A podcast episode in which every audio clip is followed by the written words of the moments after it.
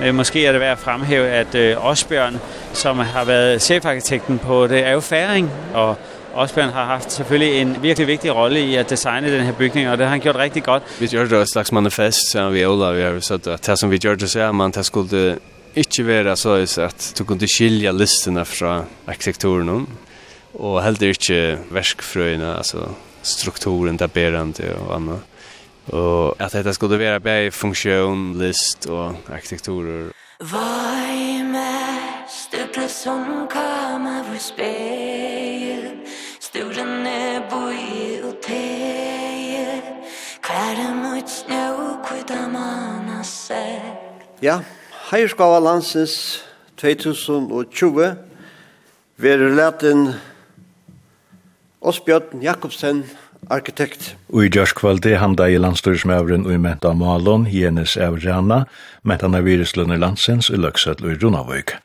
Størsta viruslønnen, Mentana Viruslønn Landsens, verleten Sigrun Gunnar Støtter, lista kvinne, Særstekka viruslønnen verleten Birute Poulsen, operasangarinne, men høyerskava landsens verleten Osbjørn Jakobsen arkitekte. Osbjørn er bytjelistarligur urmælingur. Vi arbeider vi bytjelist, byggjarbygging og byggjarplanlegging. Larmades stårbære og poesi, indeligare landslagsrytmer og bygningar, og er sprottner ur natur og omkvarve, eimerskja bytjelistna tja Osbjørn Jakobsen forvittne og evne hansara til a bera førska bytjelistarlige mentanararvin inn i okkara tui er eisynt. Høvesverkje hier til er Vuja gittna Harspa og i Reykjavik, som han sammen vi Øron vann hakste europeiske arkitektavirslønn 4. Einsamme atlers, etla sammen vi Øron, hever han vunne altsjåa kapping og mibbøyen og Her flere enn 150 oppskott kom inn. Herumframt hever han gjort oppskott til Mibøyen i Ronavøk og i Havn, hver planlegging om bøyarum er til Stauran og i Blåster. Vi sier godt i arbeidet Osbjørn Jaksen og Altjava Padlen, her han ofta vinner oppgaver som til fakste få etgang til.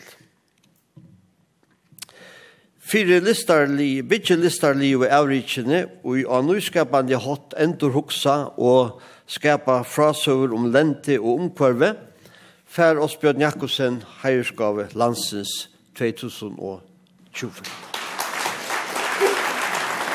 Vi tar då bråd fra Hatjarløten i Ujørskvalde, da høyerskava landsins var leden Osbjørn Jakobsen. Og kommande slegatumann færre vi ta tekna og en av vengamint av arkitekten og Musikk Sunshine, sunshine reggae. Let get a lot stronger. Og spjøtene, mine badnaskekvar er evni ui dea, tuiner badnaskekvar Her har vi en svartan påsa vi nøkron, skulle vi sija, løgnelion spurningen ui, og nu skal du teka tuin fista. Spennande, må jeg få vita kvett, slå lura. Så det får øyn på, ja. Kvann tutning hever sosiale arveren fyrir vele av iskje og utbyggving. Ja, det er gav spørninger. Jeg halte han er rettelig enn jeg å tøye. Selv kan man ganske mest svære for seg selv, ne? men for meg har det åttan jeg har haft rettelig enn jeg å tøye. Man kan si jeg er oppvaksen mittelen særlig håndverskere. Pappen min er smoj alltså då så jag var första år gamla hade jag för att lära. Så alla mina fröjtor alltså uppe i köken partnern och helt åter till minst att det var hästfröjtor i halvt i 3 eller 4 klass. i arbete först för ordliga. är för till morgon vi vi tömna smoja. I minst det var halvt bestämt på politistön och det rona där smoja att det var veldig störst att uh, byrja göra något till nytt och också gav møyning och så hadde det där bara hinge vi alltså det är någon form undantøkken här jeg har varit arbetat fiskarvision här i Gøtta kanske særlig at att det var öliga nek var gjørst att det har beef att komma ut en nick kväll där sort ta halde jeg av var fiskarvision där kaffe men annars er det vært att smuja det vil si at vi vill ju bitching og runt och som man ser ofta att det är en eller två i kvar klass som damer teckna så vart och vi är gärna att ta dem över väl. Till alltså övning det kreativa och att teckna. Och det ser man vi att smuja och att skapa på tammaten alltid utan iva till lukka som på några måttar mun sociala bakgrund. Att ta omkvar på en måtta. Så fatt man också naturligt ta över till äldre. Alltså jag har inte sett såna går där själva, men annars är att at jeg har nevnt det som helt unger at det var också det skulle være, men jeg minnes ikke som så bevusst vel så tydliga. Så jeg får se om det var jeg jag studentaskola at han er är Jeg jag nog ikke alltid hørt det at jeg skulle gjøre också som mer dumt jeg gjør, som er är tumt Det här på NJ finns vi från kron att att det man skulle göra att det hade jag sen gjort eller gott då att för nu inte huxa för nek om kvärt arbeider få akkurat nu eller karrieremöjligheter annan hatt. Väl nu akkurat som du kan använda där att du damer. Och jag minns väl väl, jag förhandlar för jag kom för men Lestra Vellajern tar vart så i Gøttejegg, studentaskolen og havskøy vi vid og er är flott jag kampstall. Jeg minnes väl vel, han rundt i bøysen Boisami om tar vart Heldur över sig än i det. jeg var matematiker og fysiker, så det er en del matematikk og fysikk og sånt. og Og jeg minnes at han helt at jeg var godt hosgått for Lars Verskfrøy og Kosle. Og jeg kom jo ut akkurat i ringast og kreppetøy i fargen. Jeg lever i 3,5. Og det var, altså, det var utgjørelig for det som helst jeg gjør av arbeidet. Så jeg minnes at det er kanskje også en ut i ljøsen, hvordan man var veldig, men det minnes det vel at jeg sier, nei, jeg har sett i meg at jeg har slett for å røyne å slippe inn i arkitektskolen. Så jeg har slett for å gjøre også et år som har en relevans for å slippe inn her til at till att Mia jag släppte in ta var rättligt högt men så att det har mig själva för en för för att hem Mia det så är för ger också som som går fyra gånger till att släppa in i jag någon 2 som då där. Till upptäcker runt exektion och Jag minns han körde en trodde jeg runt där och ena får mig. Hålla seg om og färra til sivilverksjøring eller och stanna. Till att det var inte fram till i arkitektaffären nå, til at det var inte att göra och hitta en bröjare och Men jag vet inte, är helt fast helt att det var helt väldigt akkurat och att man är ung och så själv det var väldigt svart och djup kreppa så visste man att det var några arrar man stod lever så att det för gänga så så det helt fast vi och för så att smuja för ha skola och så för jag smuja till halva är jag snär örne var en förtel upptök runt. Ta var ju inte Jerry Ferguson så pappi och Flurry Air var i Norge smuja och så är för men så smuja det var her, Arne Birger, arkitektskolen til 4.5. Så det var lika som, jeg vil si, at liksom, ganske synd lengt, men uh, den sociala bakgrunden har det över haft uh, nekva tuja i forhold til. Tja mer kanske på en helt annan måte, og det är ganska ösen vi utgångsstöj for maten som jeg har utdömt mot arbete till at jeg minns da jeg kom nye och lese, så var det veldig større parser av dem som låt så Det är den mer akademiska bakgrund för jag komma på arkitektskolan. Jag det var helt överallt nek som hade Anna av föräldrar var arkitekter och faktiskt rättliga nek som hade bäge föräldrar var arkitekter. Det hade ganska en helt ära akademiska tillgång till sitt väla. Här måste vara har klart det att lukka som att skapa näka upp i näka och och jag vet att arkitekter färdig har Det kan man säga, jag utanför, men arkitekt utanför en en öliga stora, jag vet kanske inte utnär, men en öliga stor parst av arkitekterfärgen som är en, en teoretisk parst. Alltså allt runt om skolan är och öliga några arkitekter som som nästan bara producera teoretiska projekt som flyttar näka. Jag teoretiskt, men Jag var kanske inte byggt så öliga några. Här mot... Uh, utgångsstöj från början hur vi är att jag vill gärna vara ett stöd här som utgångsstöj till lika som är att skapa något fysiskt och inte bara en tekniborg eller i hödden och det går så en rej som jag inte helt fast i att visst det inte är något som kan föra till något realistiskt alltså så har det inte alla fänga min AH jag hade öliga gott och prisvärt att, att som jag arbetar teoretiskt och det är aldrig öliga spännande på några mattor till att jag kan liksom flida något mörsk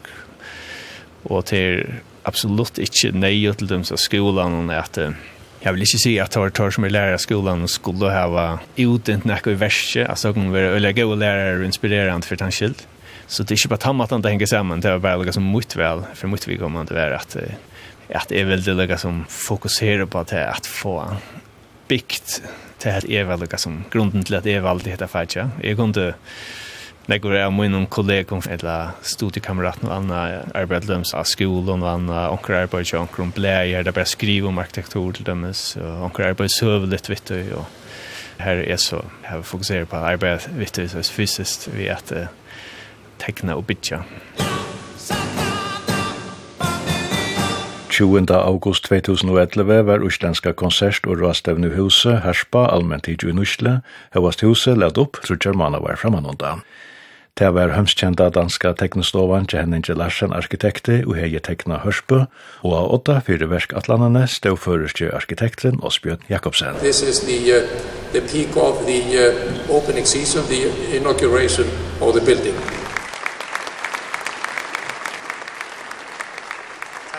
Vi sitter nu her av Fjordri hatt her i Harsbø. Vi sitter her i en hotne av medstående Kolabrauten. Og her er ikke så nek folk det at det er sånne daver, ikke så mye år, men her er fitta folk, og folk njøte hus, ja, i halde det her i bæg, utlendingar og uslendare. Og samma vimmer har vi høvesarkitekten Asbjørn Jakobsen. Og Asbjørn, nå varst du også her i Atlantjar, du veri dette vikeskiftet og du var også nå til huset Huxia. Hvordan opplevde du dagen og jar vi nekvom følt huset var allmenntidsen og nusli og fyrversk og jørskvald og etter her ljøslista verst tja Olaf Eliasson, det var så øysen tidsen nusli. Hvordan opplevde du dagen og jar? Jo, jeg halte at det var helt fantastisk på nekvom at nu är det sjönde fyllt nog sån ek nekvar sånt nu och och det är helt fantastiskt att sådär hus i bruk. Nu kan man säga att där nu gör han fattlig samman vi männingar nog till Reykjavik som är är det största tilltaget i överhuvud i byen så det är en öjlig falsk som kommer in med lägger det och lägger kväll. Du har väl tänkt dig att det är värskatland, rätt lunch.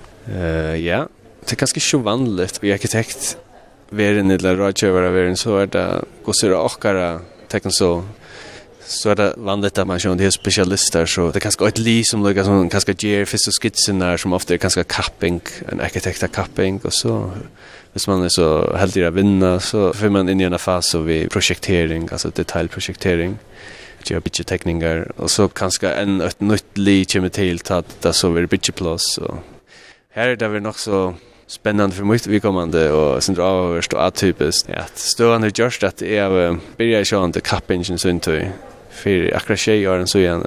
På det inne det hade jag nästan. Jag hade bestämt att vara inne sjundan.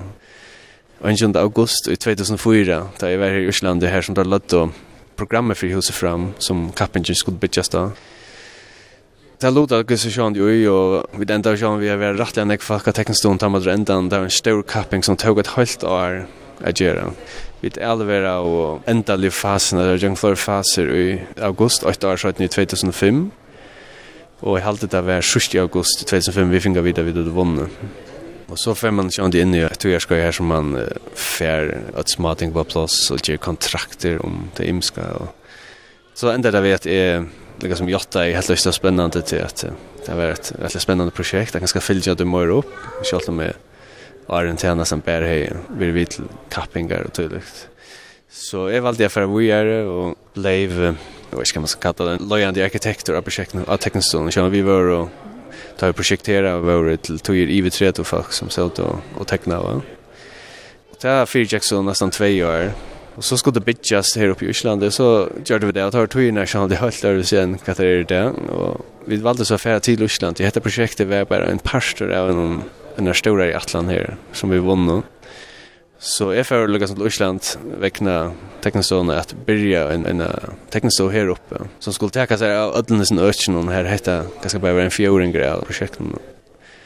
Men det var inte mer en lente familj och og och, och innbygg vid Øtland, så og en av vik og at han börjar här uppe så får landsbanken av Knoran som var investor i disse prosjektene.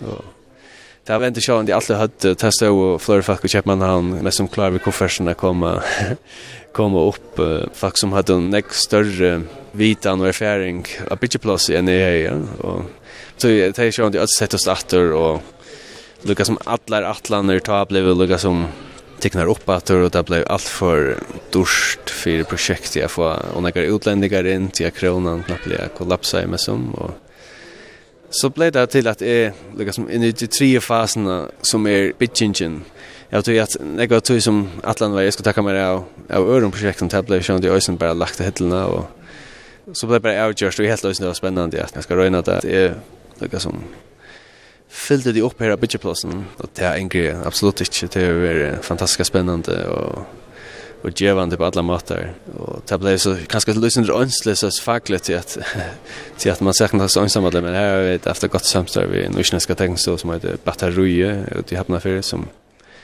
så jag har haft nek gott fuck jag tar mig att träffa mig här så så det hade allt i betraktning hur gick rättliga fint men det är alltså Vi där är tjej och sjuan i här uppe och det var faktiskt Ludsen där arbetar just aren't I så mittlen tjej och åtta är alltid så ändå som tanken föddes om det huset jag och och man så smått började på det. Men till bättre så det har vi haft det här var väldigt många små tog ska in i mitten här som jag finns löv i att att det rönns sönder ut i hatt någon och jag finns löv i sidan omkring omkring över min uppgåvan som sen är en avväxling ju och omkring kapping i mitten här som görs så det är inte vi fullt i alla tyna men tatt på till stort läge så hukt jag här om bättre ett mail och timmar så att jag alltid att jag har haft mellan 12 och 15 000 timmar som projekt någon Så det det fyller alltid en och och i mailen alltid att det var flera hundratusen mail som vi det då arkivera av projekten så så kommunikationspersonen där i Sauron han är på något matar fullkomliga.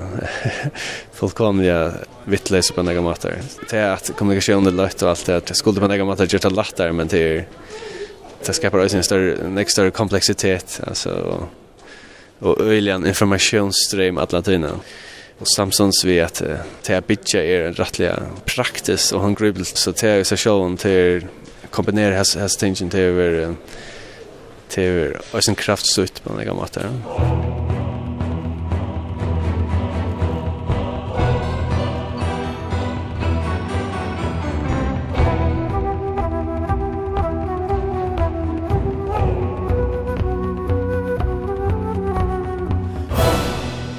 Vi stand her av fjord i hatt av Harsby og saman vimmer her vi Olavur Eliasen Og Oliver, hvis vi tar den her facade, så har du en meget speciel rytmik i facaden. Hvordan kommer du til præcis det her resultat? Altså facaden er jo lavet en masse små moduler eller klodser, quasi bricks har vi kaldt med et stykke tid. Hver modul er for så vidt på størrelse med øh, vores krop, eller sådan, så man kan tydeligt, men det passer lige til, at der kan stå en person inde. Jeg synes, når man sådan ser her ned over trappen foran os, og så kan man sådan se størrelsen på modulet, eller på facadeelementerne, og størrelsen på menneskerne er sådan den samme. Man kunne næsten forestille sig et menneske i hvert modul, så der er et eller andet forsøg på, at til trods for, at det er en kæmpe stor bygning, og der er, så, er selvfølgelig højt til loftet, så er det alligevel sådan, når vi kigger her på balkongen overfor, der står en pige derovre i solen, så kunne hun lige så godt have stået i facaden, så man kan næsten forestille sig, at det er noget, folk kunne altså, bo i, eller sådan, ikke? Så, så rytmen, eller modulerne, eller hvad vi skal kalde det, den der, så det her, når man sådan kigger nedad, det er noget, vi på den ene side oplever som noget abstrakt, men på den anden side er det alligevel noget, som har en,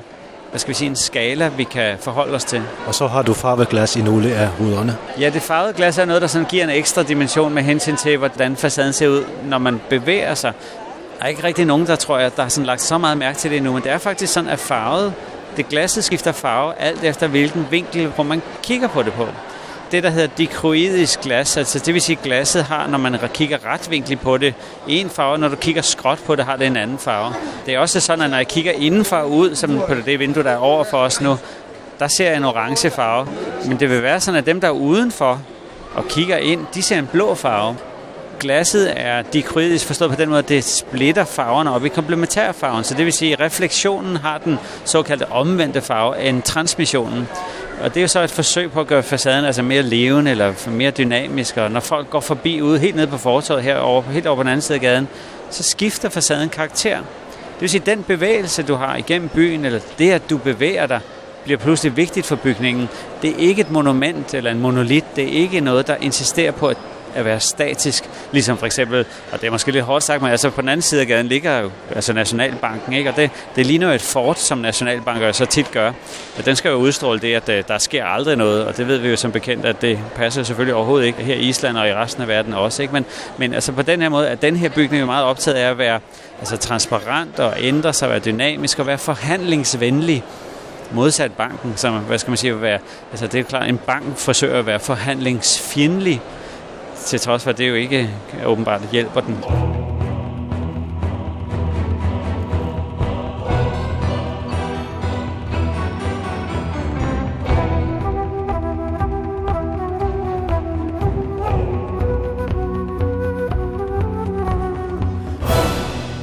Nu er Ljósjói av Harpe til Tentra. Det ser helt fantastiska flott ut og i allsins liton. Det blinkar og rutan er lysa her er blått og her er rett og her er grønt og her er vilett. Det er helt fantastiska flott. Og i halte at folk er rettelig imponera som stand her. Her er tjukt av folk her av Hanna Lennon. Her er en ørgrunna og ja, i halte folk virker rettelig imponera i evitet i suttja her og i kveld. Det er fantastiska flott. How do you like it? It's wonderful. yeah. All I remember from last night is you.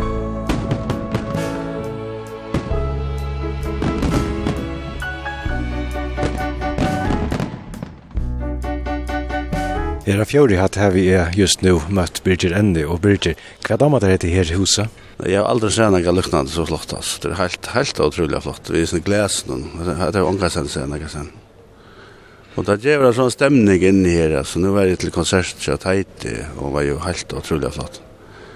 Och samma vi nog för kan och helt några östlänningar var det, det mesta av östlänningar själv. Men allt det som är runt om här, det, det är otroligt flott. Och man kan inte sucha det, att man är åtta för det hur det är byggt upp att det är ju helt helt otroligt. Jeg var inne i stora konsertsalen i Jarais nu. Bara åkt in i ett svärt konsert men alltså jag var allt allt så här kan lukna det så flott. Det må jag säga. Imponerar vi? Ja, pura så alltså borstar i snusen. Jag kvar i affära där jag kom till Islands. Nej, hette ena standard. Hette vill jag råd till att färra in av vidchat i huset.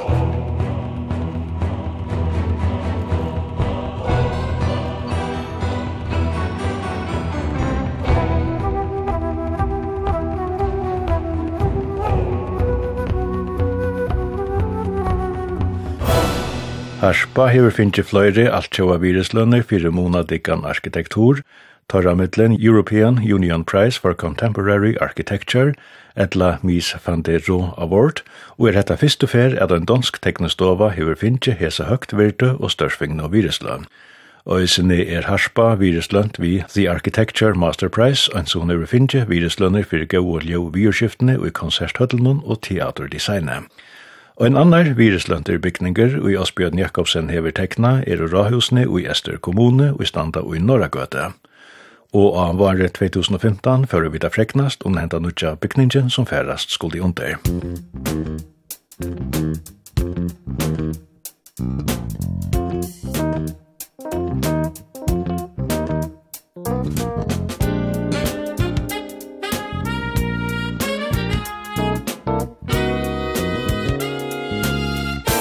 er jeg inne i Badasavn og Lorvøk, som i det er byråshus, omsidninger og bygninger til Ester kommune. Men så løs vi er ikke omholdt annet år eller her aløy, du tar vi er nødger spennende snådlige uh, omsidninger og bygninger, rahus, bygd i Norra Gøti, og en bygninger som hever et avvis potensial i utiver funksjonene. Nå har vi borgarstjøren i Ester kommune sammen med meg, Johan Kristiansen. Hvor har det valgt å gjøre en omsidning av bygning her tid, omfram funksjonen og øyne takk hatt for bygning kan gjøres og sånninger sted og i kommunene? Ja, altså alt fra gamle tøyver, øyren, norra gått og samlingssted og Her det kanskje det sørste årene har kanskje vært uh, synder, uh, jeg vet ikke hva man sier, dolka eller synder så løs av vindløyvi og ikke blivet hans handlingssteg som det det var fyr, altså det er sitt olka, så man ikke at vinnerløyven er vana til første møte slett ikke, altså, men, og så tar vi sett akkur fyrir at vi skulle fyrir bytja bygning, så hilt vi at det ble sin dyster at om hver han skulle være, om han skulle være just øyrene, eller langt inn i delen, og så vi gjør det. Og så kom vi til høyt til Asbjørn og gjør oppskott, og han gjør det oppskott som, ja, som lyds faktisk akkurat det som vi det samtidig å gjøre, og Og det er sånn i øyren i Norra gøtt, og det passer og metelig vel inn i ungvarvi her, alle vet. Det litter ungvarvi opp, og en er vakre sti. Bygningen er flott, og han ligger vel i ungvarvi og lender noen. Og så er han også blitt en pastor av øyne større holder atla fyri og ikke her på en At det nok første stiget til å gjøre øyrene til nekka attor som må være fyr, da det var sandur og folk møttes der til imist. Så det er nok då, ja. Altså, vi halte at en kommune bygger et rahus, så halte vi at det skal være nekka mer enn en vanlig skrivstorbygninger. Han skal signalere nekka i snø fire borgarna og er vidjande at ja, han skal signalere nekka som, som skapar viring. Det halte det snø bygninger.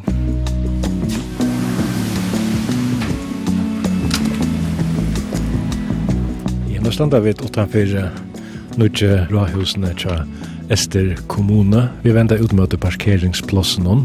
og Albert, eh, nu færer vi til affær rundt bygningen, vi tar og ser bygningen innan. Hva er tvitt høves inntrykk firebils? Høves inntrykk er ganske ondran. Er man har tidligere stig til å bygd en bygning i Vromanoa, vi tar bare sett ene ærstand i fargen til Iron Santoa her som spinner og gjer. Santoa som ligger mittelen havn og ærkjer. Ja, ene det er fergen, jeg vet om det, annars kjenner man det jo fra Solanden. Han da brikken er jo i Firenze iver om Arno og Anna halde United. Det Ponte vekk jo alt. Det er en, en brygg som er bygd iver om en år, men det var nok så vanlig for det, man gjør det. Og så var det hus og eisen i bunnen. Her er eisen det samme, her er et hus bygd iver om Anna, og det ser øyla kjært ut, men på en måte ser det øyelig rett ut. Sjalt om man ikke av fyrr i fargen, så ser det rett ut. Det er veldig fittlig tror jeg. man er helt til det her alt i en muskelite, svart, og så har man en, en flæthedg. Alt er bygd om et, et betong og stalskjelett. Alt det som helder husen oppe er betong og nekra, og så stal i erva. Veldig flott. Og det som er særlig stortligvis ned er den farmer de finner. Det er nærmest som en slanka som ganger iver om anna. Og Albert, er det nå sært bygningen til dømes fra landsveien og ta mån til om det er fra Siregud i av eller Norra Gud i av, så er han imiskere som noen uttrykk, og tar vi nå er det å Estersøyene tar vi venta ut mot parkeringsplassen og ned med landa bussene stand og her høves inngången er. Så er det alltid en helt ånder fasata, så er det nok så lengt drien fasata som fer nyer i vettelen. Ja, ganger nyer ui lente, og han legger eisen opp til at bygningen er passet av en gankersystemet, og at man kan genga fra lentene og patetjene og så nye tinemene. Hette her vil se i en bygning som ligger i Oslo, til den nødja Oslo Operaen, og hun er inspireret nekvar arkitekter vidt og samme å få tetjene genga nye i, i so så la man kan genga tetjene eisen. Og det er sterk heppe etnast her.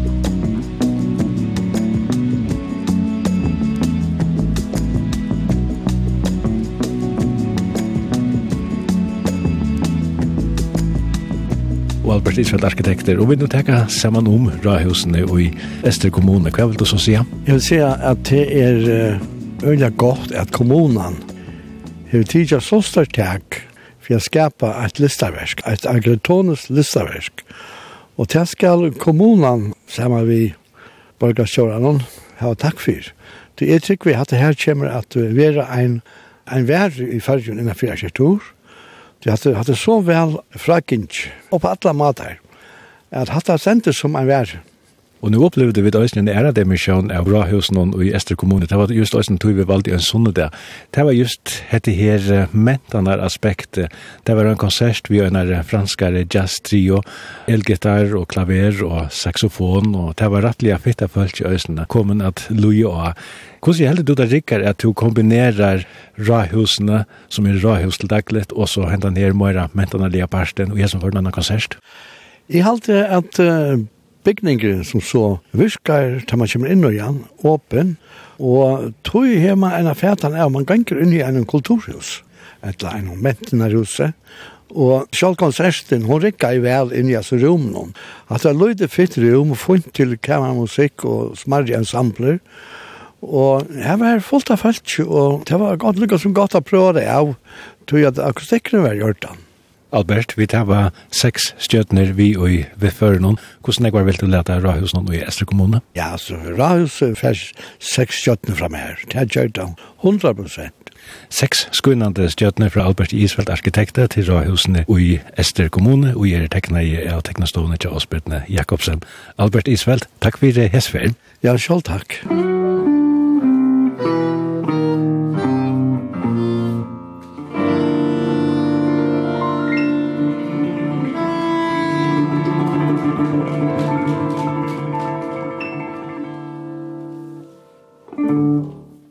Åsbjørn Jakobsen og gir vinnande i oppskådene til talan er om nødja med bojen i Klaksvik, og her øyne parstren er arkitektoniska Perland, Biskopstorget, og i teler handlar og i Vihadene og bosteier av Ovar og Hadenon og til hver Øsni Åsbjørn og Jotte Vinnande oppskåte til Nudja Mentanar hos i Klaksvik som nå vil bygd. Ja, velkommen til så spennende avtøkjentene som er for Klaksvikene, Norrøkjær og for Farjar ute. Vi tittet Åsbjørn på en etter av vinnare oppskåtene til Nudja Mentanar hos i Klaksvik var i avdugaje fra Tjadeien av Norge stevne 2016. Det er just en nok så nøy skra for hvert hus skal innehalta og krøve vi med skonsle. Det som gjør oppgavene sin særlige til er at det er parstvis en ny bygninger, som er den større parsten, og så er det en ombygging og renovering, kan man si, av, av posthusen som vi kjenner det der. Så det sitter noen krøv til prosjektet.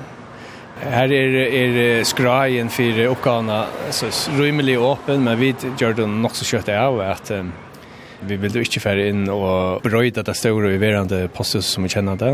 Det er, hadde jeg selv er en bygninger som hever størst vire i førskar arkitektursøvo, og en av de første bygninger i Japalla, og vi delte det at det ville være Det ville det være fullkomlig jeg skal efter ferie inn, særlig hvis det var unøyert, ferie og kjørs nek om på det. Så vi da også det mest som om at at uh, ombygja innan og i posthusen Her er kanskje ikke så øyelig enn jeg uh, av oppronen langer her vi bygd om i flere omfører, så at Vi gjør nekka brøydingar her, og så stender nudje byggdingeren faktisk leiser av posthusen, at vi parkeringsrøkene som er her i det, i motsatte enda i mundle rundgårdsene her i Klagsvøg.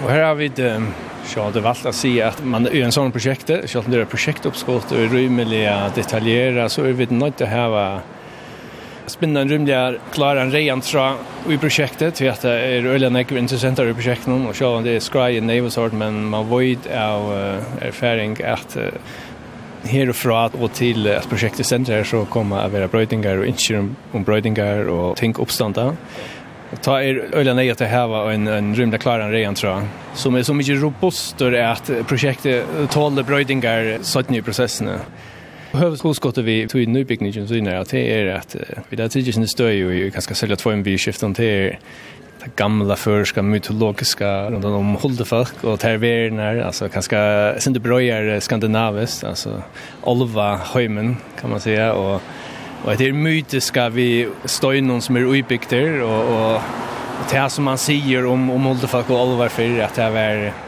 tar folk upplevde det så här ofta om kvällarna och nätterna och tulja måtten i att det liksom dansa och ut i landslanden och komma ut ur sin bostövon och det man man ser till dömes är folk som satt jag uppleva det här att det var det var så ronar bindande ja, att ta det ungefär vakna ur sån här bindande tillstånden ta kom till Florida över affärerna och vi tillade en flott mynt på ett här mentanliga som skulle gänga fyra big här här skönlökar och framförsler är ganska daberande samma vi framsynningen.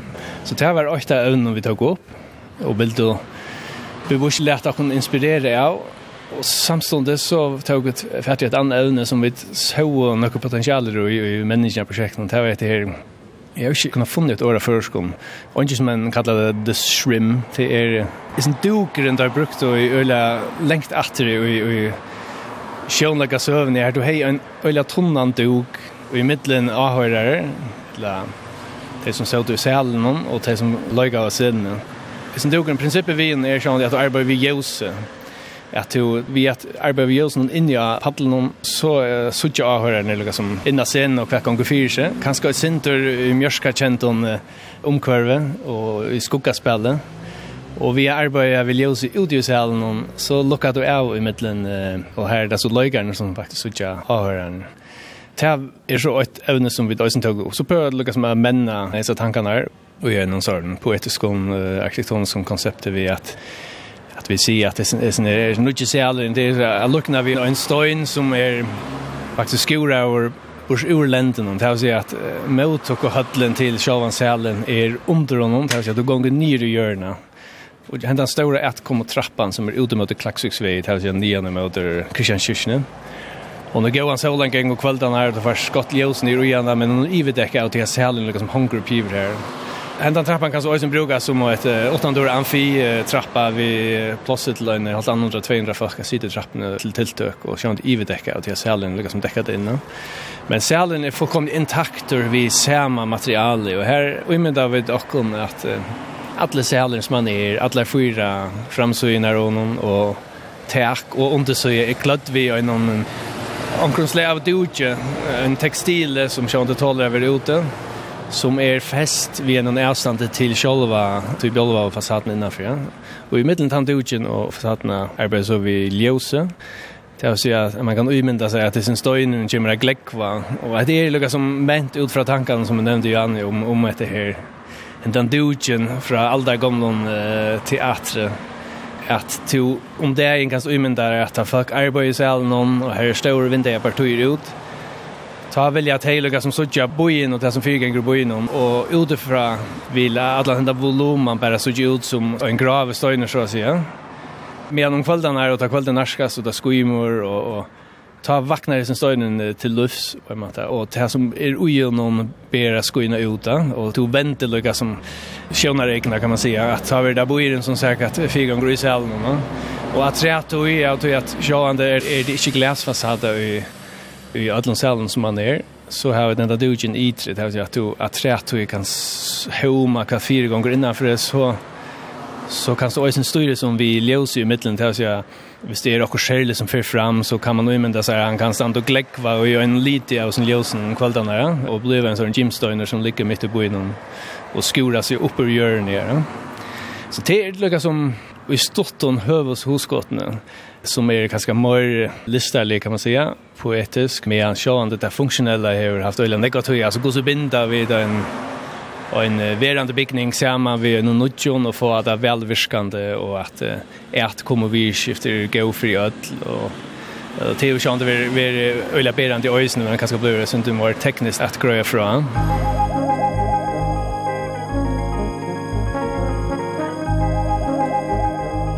Mentanarhusi i Klaksvik, Harspa i Rettjavøk, Rahusne til Ester kommune i Norragøte, og med bøyren i Klaksvik og med bøyren i Runavik, er det mittlen verskatlandene som Osbjørn Jakobsen hever steg i fire.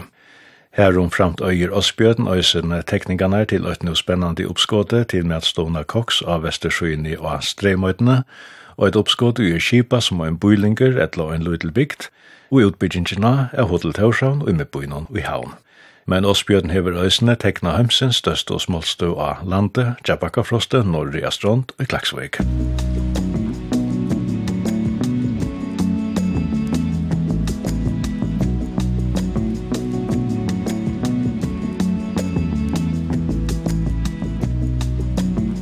Ja, nu er vi tvarnir inn i fundarhøle, vi sitter i nøkron rettelion levermøblon, vi er rundt glasbår og Her er større ruter nian etter, nian møter Bergen og i det gamla gråbråten og så sørger vi da inn i Klaksvøkjena, vi sørger Holkafetli og Hafjall. Og Asbjørn Jakobsen, du har tekna hentan her bygningen, og vi sitter her og sørger nyer og plantekningene. Det er risa størst. Ja, det er bare i førskolen og alt kjøy oppe, øyla større bygninger. Det er kjøy det krestløse framløsene. Det er ganske rekkosir også, men, men så vidt det var så er det Heimsens største smalstø av landet, og så, og det er kjenner det kreves ut plass, men det er ganske tann veien vei gonger, og som regel alltid at skala i arkitektur ikke er så øyelig enn jeg går tog men akkurat det her som føren hever støtten, spalt en større løyklod og, i menneskene av prosjekten om logistikk og er, som er rettelig spennende. Hvordan større er bygningren? Fot av trykje, altså det som man fyller av hjørnet, det er vel om man fyrer 20 000 fermeter halvtid, 22 000 fermeter her løy, Og så er det sjående store økker i bygningen som bare har tvær og trutjer og fyra hatter. Så, så han får nok norskast enn 30.000 fermersen i Gulvud. Og for enda og i annan gosse lenger er han? Han er gavart 300 meter lenger, 320, og brøyden og noen ligger nok om en er meter alltid, her aløy. Asbjørn, tar vi to først vi holdt vi en oppgave som hesa. Hvor er avbjørnjen? Ja, sjående først og fremst da man finner en sånn oppgave. Det er sånn oppgave her av kan man säga i förhåll till det som vid vanliga gera så är kan man säga rammen är runt om men så också som jag säger. Hon är synd över sig att han har haft att ja, det är ett bidjefälla som styr processen. Det vill säga vid är då det som man vanliga kallar en total entrepris det vill säga att arkitekten och rådgivaren är sätter av av entreprenören. Det skapar långt och en ett land hierarki alltså. Men det är vid lotfastliga vänner vi alltså. Till en vanlig hotar arbete på. Men det ger ju ändå att ja det är så enda er det entreprenøren som har kanskje vetorett, Og til sånn så er vi ferdig inn i oppgavene, velvidende om det. Og tar vi börja oppgavene, så kan skal la Måre Korsen at vi skulle ta oss ner og lukke som kapene rundt om ombygningen. till ofta att han fatt han utanforstand han hade tid han rolla som arkitekten hever, men til råkken vi flest arkitekter gör meg rätt og att arkitektur är mer än bara utkänt alltså eh, funktion är en eller store part av arkitektur i øsene. Utan det är inte ett vackert hus som i brukar fungera.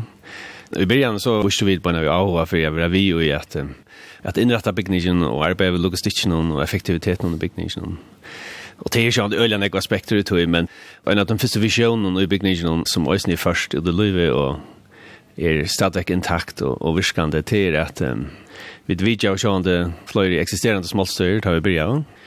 Och här sa man att öliga några smålstyr här är ju byggt där ut vid tujene Og de aller fleste er bygd der av et plant og ikke.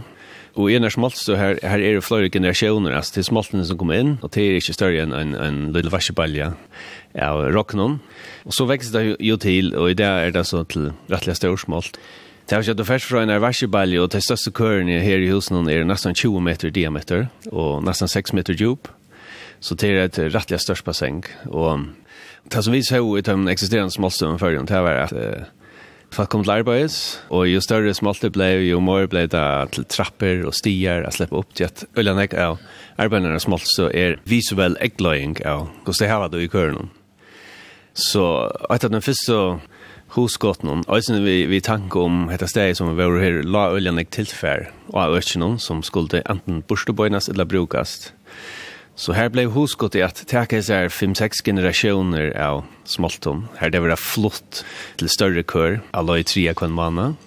Jeg tackar også att en vision om att låta vattenskorporna i ödlom kören vara i sommarhatt. Det vill att folk møtte til arbeids. Så gänga det i sommarhatt och så vitt gjør litt inte i trappan och stien, För jag kommer til ägglöjse smoltna. Jag vet inte det er det är största smoltstö i hemmen, men det är alltid är nästan öndöm jag i förhåll till era smalt större att man har lagt av härsla och arbetsomkvar att han har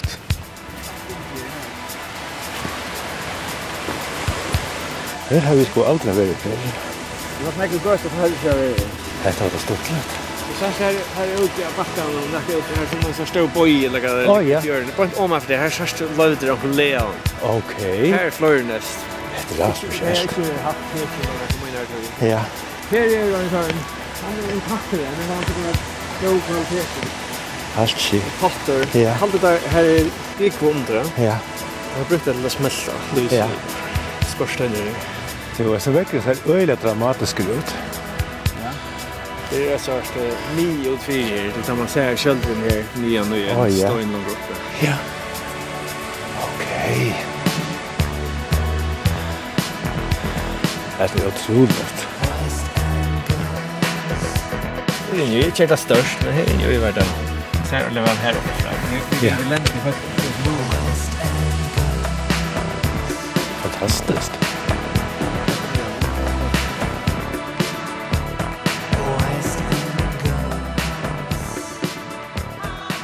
Nu har vi Ginger Øynar, jeg vet ikke, 200 meter fra kajene her som vi var stadig for løte sujane. Og er ferdig ut til dette her uishuset som Osbjørn nevnte som er særlig minne fra at, at han var baden, og vi gikk ut til fjøren etter støynen og grøten, og ja, Da du gonger handa veien, og du så kommer ut og så sørst du vekkene som er her og onker potter er etter. Jeg skiljer vel at jeg onkers vekkene gav uh, en sånn mytologiska mynd.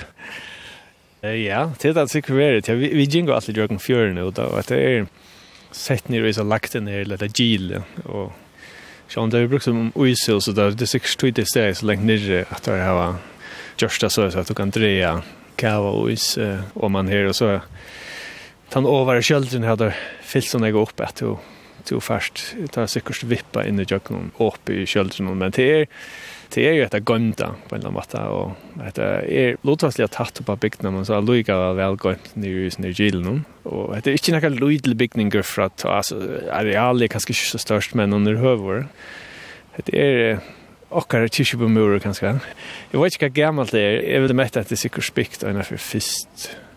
Fyrir og helt av sørste og aldri okne vi Jeg vil ikke alt møte fyrir seg, Vi spalter at han gick og man och at det fram. Men det som nevnte her, Jan vi hvis det skulle være noe særlig, så minns jag det väl att det gjør det øyla størst inntrykk av meg. Jeg vet inte hur gammal jag var. Jag var helt liten som sagt. og da hadde jeg dronjer som kanskje har vært, jeg vet ikke hva det var, fyra, fem, seks, tjejer eldre enn det. Det er jo bare en lea grunn, og så är hon utfallet siden jeg pusser øsene, så muren er nok så tatter. Og så er opp til är er, jeg vet ikke hva det er, her er en 34 meter, och så en hor in. Och så all ivetråmen, allt det som är vid timber i borster och ganska parter av sittlene ligger efter den. Och så sanda skjöldrarna i bara enden och och jag och kippen någon helt år av golv. Här är vad det är det, man varit en 6 6 meter nästan.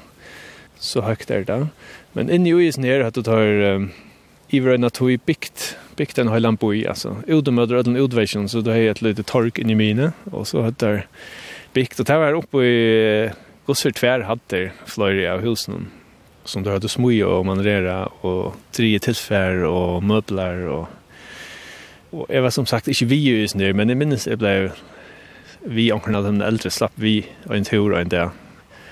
Og det minns det har helt avfattelig inntrykk det gjør det at man tar kanskje nesten ikke kjent litt i huset, minns man fører ut i Jøgenfjøren her, og så knappt jeg stod man ned, og så inne i den høymen som var som var byggt upp i, i i miniatyrform. Der hadde man seg alle funksjoner. Her var banche og her var uh, sikkert så en bar Og, så att det kurs en bostad og sånn. Og jeg vet ikke hvordan jeg dröngen där var. Det er sikkert mer enn person av dröngen i kyrkot som var näka eldre.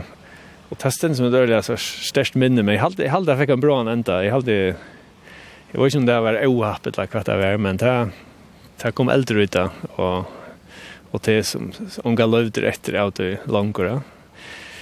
Men det er ganske akkurat det som skal til. Jeg hade ikke finnas näka mindre eller nekka av det. Og det är alltid det bästa minnena bär bär av sådana myndon og kanskje också at du sagt at Det er ofta det som inte vill festa blæ og ikkje ikkje dokumentera det hade alltid ganska eller fascinerande ofta till att tänk dodge ofta att det är festa mynt eller video eller skriva i nyra. Det är väl gott att vi det här här var finge ting festa blä men där vi skifter och server och annat men men det är alltid ofta det bästa sövnar till att ta ta sjönar som är livande ja. Jag har fortalt att vi är eller att det blir nästan mytologiska eller något. Och det mytologiska det halde jeg ofta dör ta du konkretisera det eller materialisera det akkurat. Så det kan vara allt från hæsson eller eller det kan vara en tala som är helt en. Jag hade till en väldigt stort min till dem så att du ganska fra Bridlop om fyr, altså hørst om onker helt legendariska tala som onker hilti, og hun blei bare betre og betre hver jeg for folk endur fortalte hva det hva som jeg kvirer seg. Men det er at du sitter alt over tid på video, du sitter hygg etter video, så fett det som allt ligger. Det var faktiskt inte så det var faktiskt inte så legendar som man minns det. Det det att jag hade att det allt vi fortalt i en omkvarv, ja. Og til den holden som skal til for at eh, akkurat velja litt seg opp til noe holdsøylt, ja. Men nu du, du ber om at det vi en sølgens, ja, så var dette Hatta var så en stort period där vi tar en höjler bojur var inne i här annars har vi spalt öljan i gver och nu i kavor och sleddomar för er och sånt. Det är så skärligt frisaltste utanför bygden att det kommer inte färsla fram vid Lannaka. Det är lika som vi motsatta ända av bygden här som man kör in. Hesi husene som var jo en parster av sånne her byen og i sånne her gamle uishusene, hvor større har det vært, minnes du det? Nei, det er sikkert vært små. Jeg minnes det som størst. Jeg minnes at det var trapper opp og Och som sagt, jag minns att det var, var flöj hatter och och att hon uh, nästan bolagas. Jag vet inte om det är nästan just här första dagen. det var nästan så att jag minns att det var en sån kammare av loften någonstans vi, vi sång eller madrassen och ångsten var bara så påsa kloddar fyra som horar men minns att det var ordliga horar och där hade så vitt skilt allt som skulle till alltså det var så jag banken producerade pengar till att bruka till att köpa vi och annars så det var helt miniatyr samfella så som minns det men jag lägger sig snägg mer ut än det som men jag ofta har stört tossa så här Jeg ser eldre drønnsene er tås om det. Jeg halte det var et ting, det var bare drønnsjer alltid. Og... Jeg vet ikke, det er tog at du forteller så livande fra jeg som miniatyrbøyen inni i uisen her gamle uishusen. Og her standa som du nevner, vekkene standa oppe framvegis, og så er ungen tetja. Men det er nekka eventur kjent, nekka mytologisk og nekka dramatisk. Vi er sånn bygningsen bygningsnån, hette stendere. Ja, han er, altså, hvis han er fraver og jag har några funktioner där så han bare blivit en sånn skulptur Jeg har aldri øyla nek som det är faktiskt som något som har ett förhåll till detta och det är liksom att ta oss om det. Nu är det man borde görs dock till det. Det är säljs det görs dock till och och så gav mening för nutuna men som är ständigt bara han Jeg minnes ikke han forfattelig nekka særlig i forhold til. Jeg minnes ikke sperrer det her være til er nok nye dotter helt tull i tøyene. Så han er hildet seg øyla vel, altså. Og sikkert ikke så nek verdur som bygningsverk, nei men vi i hoa heime tja time lokaler her. Jeg går så har fløyret liksom tåsa. Tåsa som tar jeg minner herfra og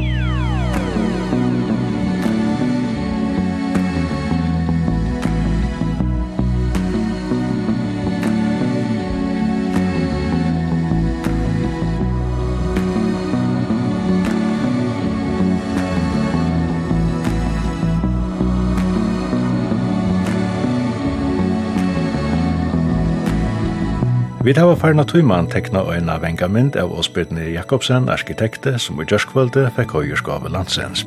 Og i sendingene hørte vi et bråd fra Hatjarløtene i Gjørskvalde, og annars høysen i sendingen om Harspa, Mentana Café i nevn og Møynerbatna Skekvær. Hjertelig til lukke, Åsbjørn. Åsbjørn.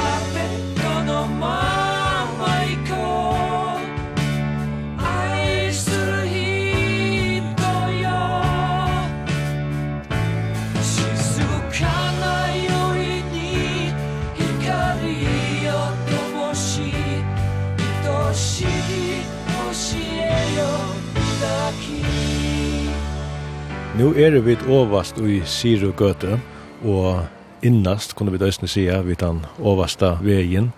Og Osbjørn, her er stod i fer vi har bygget der, og en nødt sethus. Du bygger nyr i land i heldre enn som forengar oppdatera opurlenden. Ja, jeg vet ikke, det kom nok så tullig at her var nok nekker haddarmoner, at man liksom kvette fri å gjøre, og jeg halde av vennen om man til um, nyaste punkt her, stikken var 90 meter, til rettelig anlegg, og Vi uh, gjør så av at heldre å si at uh, vi var ikke så øyla bensje for trappen. Det er heldig lov i nekken at vi sier vi genga nekka av vennene, så vi genga en 2 meter nyer til høyshatten av vennene. Og om vi lukka som legger seg inn i lente, ja. Ja, faktisk av vennene er, er, er bilhus, ja. Det er så det eneste som er i vehad, alt hitt er her kommer høys tekjan, høysen hun kommer faktisk i vehad, ja. Og så er nyast atter er chatlar som er vel minni enn vi hadde. Det er så veldig gant tver hatter under vi hadde. Og som du sier, bilskuren er i Vehat, og så hever du så annars uh, tekjene som er uh, ajant ved veien, og tever så flere tekjer, og tever konkur så jant ved tone. Og så tenker du så her, fyrst i hattena som så er under Vehat, så er hon snæra og et fytt petti og mun til hattena under atter. Ja, det kom særlig av at vi litt orienteringen så er det utsynet som er rettelig godt her enda av vennen. Og vi vil gjerne ha noe godt utsynet ut av vujene, som er faktisk først vi faktiskt mot sköldren och husen så vi valde att lägga som ett förskjuta så nere hatten så är att vi från köksrum någon här var så gott utsyn som görlet uda witchna. Till så en landsending med en den sujande husen vänder ju norrarna. Så att vi drejer där för att för jag såg jag bättre uda witchna. Och så det är snälla skapa en annan spänning och att det är liksom två så byggningskroppar som har skårs ner i ländet där ner hatten och så likadant överallt som ner i varandra Ovi Olsen som bor her nyalega i bygden og som sjående er musikalsker og dirigenter. Han har sin egne mynd av husen. Ja, han har sagt det vitt år og og kjenner kjetter at sitere han at uh, han fick alltid en mynd av en flyglig som stod upp, ja. Det är kanske inte helt vid sidan Det är nok så slött tekje, så det faktisk faktiskt bilhuset som är ganska den lokan som åpner den. Så det är ganska en fin mynd. Det är ikke inte om varandra. Ja to av spjøten. Er det særlig avbjørn å tekne i egne sethus til tøyen og til tøyen familie? Det er nok så særlig. Altså, når man arbeider vesen til daglig, så er det sånn det å gå om grunden at det er, låt oss si, skjolda man tekner til sin skjolds. Men det er vært synder, men vi hokser faktisk synder om det, som jeg sier, at det är lösen där det är att då ska man till till ändliga examina och så är det ju dentla kicksa på en lång matta alltså det var mer det man ganska också är pragmatiskt och så ser jag herregud det är bara en hus och och Röjna fokuserar på att det är som vi vill då i förhåll till hur vi vill leva i snusen istället för hooks om kvart ganska underhalta och, och så det utskönt och så ska vi lära men det är ganska ofta en följer som Nekka som er ofta rei falsk til, altså, det spyrir jo om etter vi bygger själva så kommer det ofta och ramsa ramsa och en röd och vi skiftar upp som vi ser inte vi vi torra bostäder kvalitet att kan man ska kalla det sig att det är öle ofta vi skiftar som handlar om hur grannarna skjuter till kvätte kvätte signalerar utåt till det får inte ha vi men i allt det öliga det tänker jag för kanske också mer om. Och så är det att hej vill jag vara just nu så att det är kanske en stor anpassad lön in i dem och för eller lite parst att in hicket och shoulder att dem ut från tam så så plava hinner vi kan man säga men här skulle det inte mer göra men i allt som ett ogångsstöd så ska man hugga som hit först då går så där man vill bruka sig just nu och så man fyller sig ramnar det ut då Vekri er godt i Sirugøti og i Gøti og i det. Hans bakka han ligger her utfyrir vi alle ringene. En minni elebater er av vi inna Norra Gøte så ikke er vunden av stong nere av sandenon, og vi per at avrunda okkara frasøgn, vi har vært i badna skånen, tja Osbjørne Jakobsen arkitekte, og vi har vært i affær her i Siregøte i hans herra omkvarve, og så Osbjørn Øysen hever nå med vi hendinger i søgnon løyve. Osbjørn Jakobsen, takk fyrir denne her turen i det, og alt det beste. Tjers vel, det var ekkulja lyd.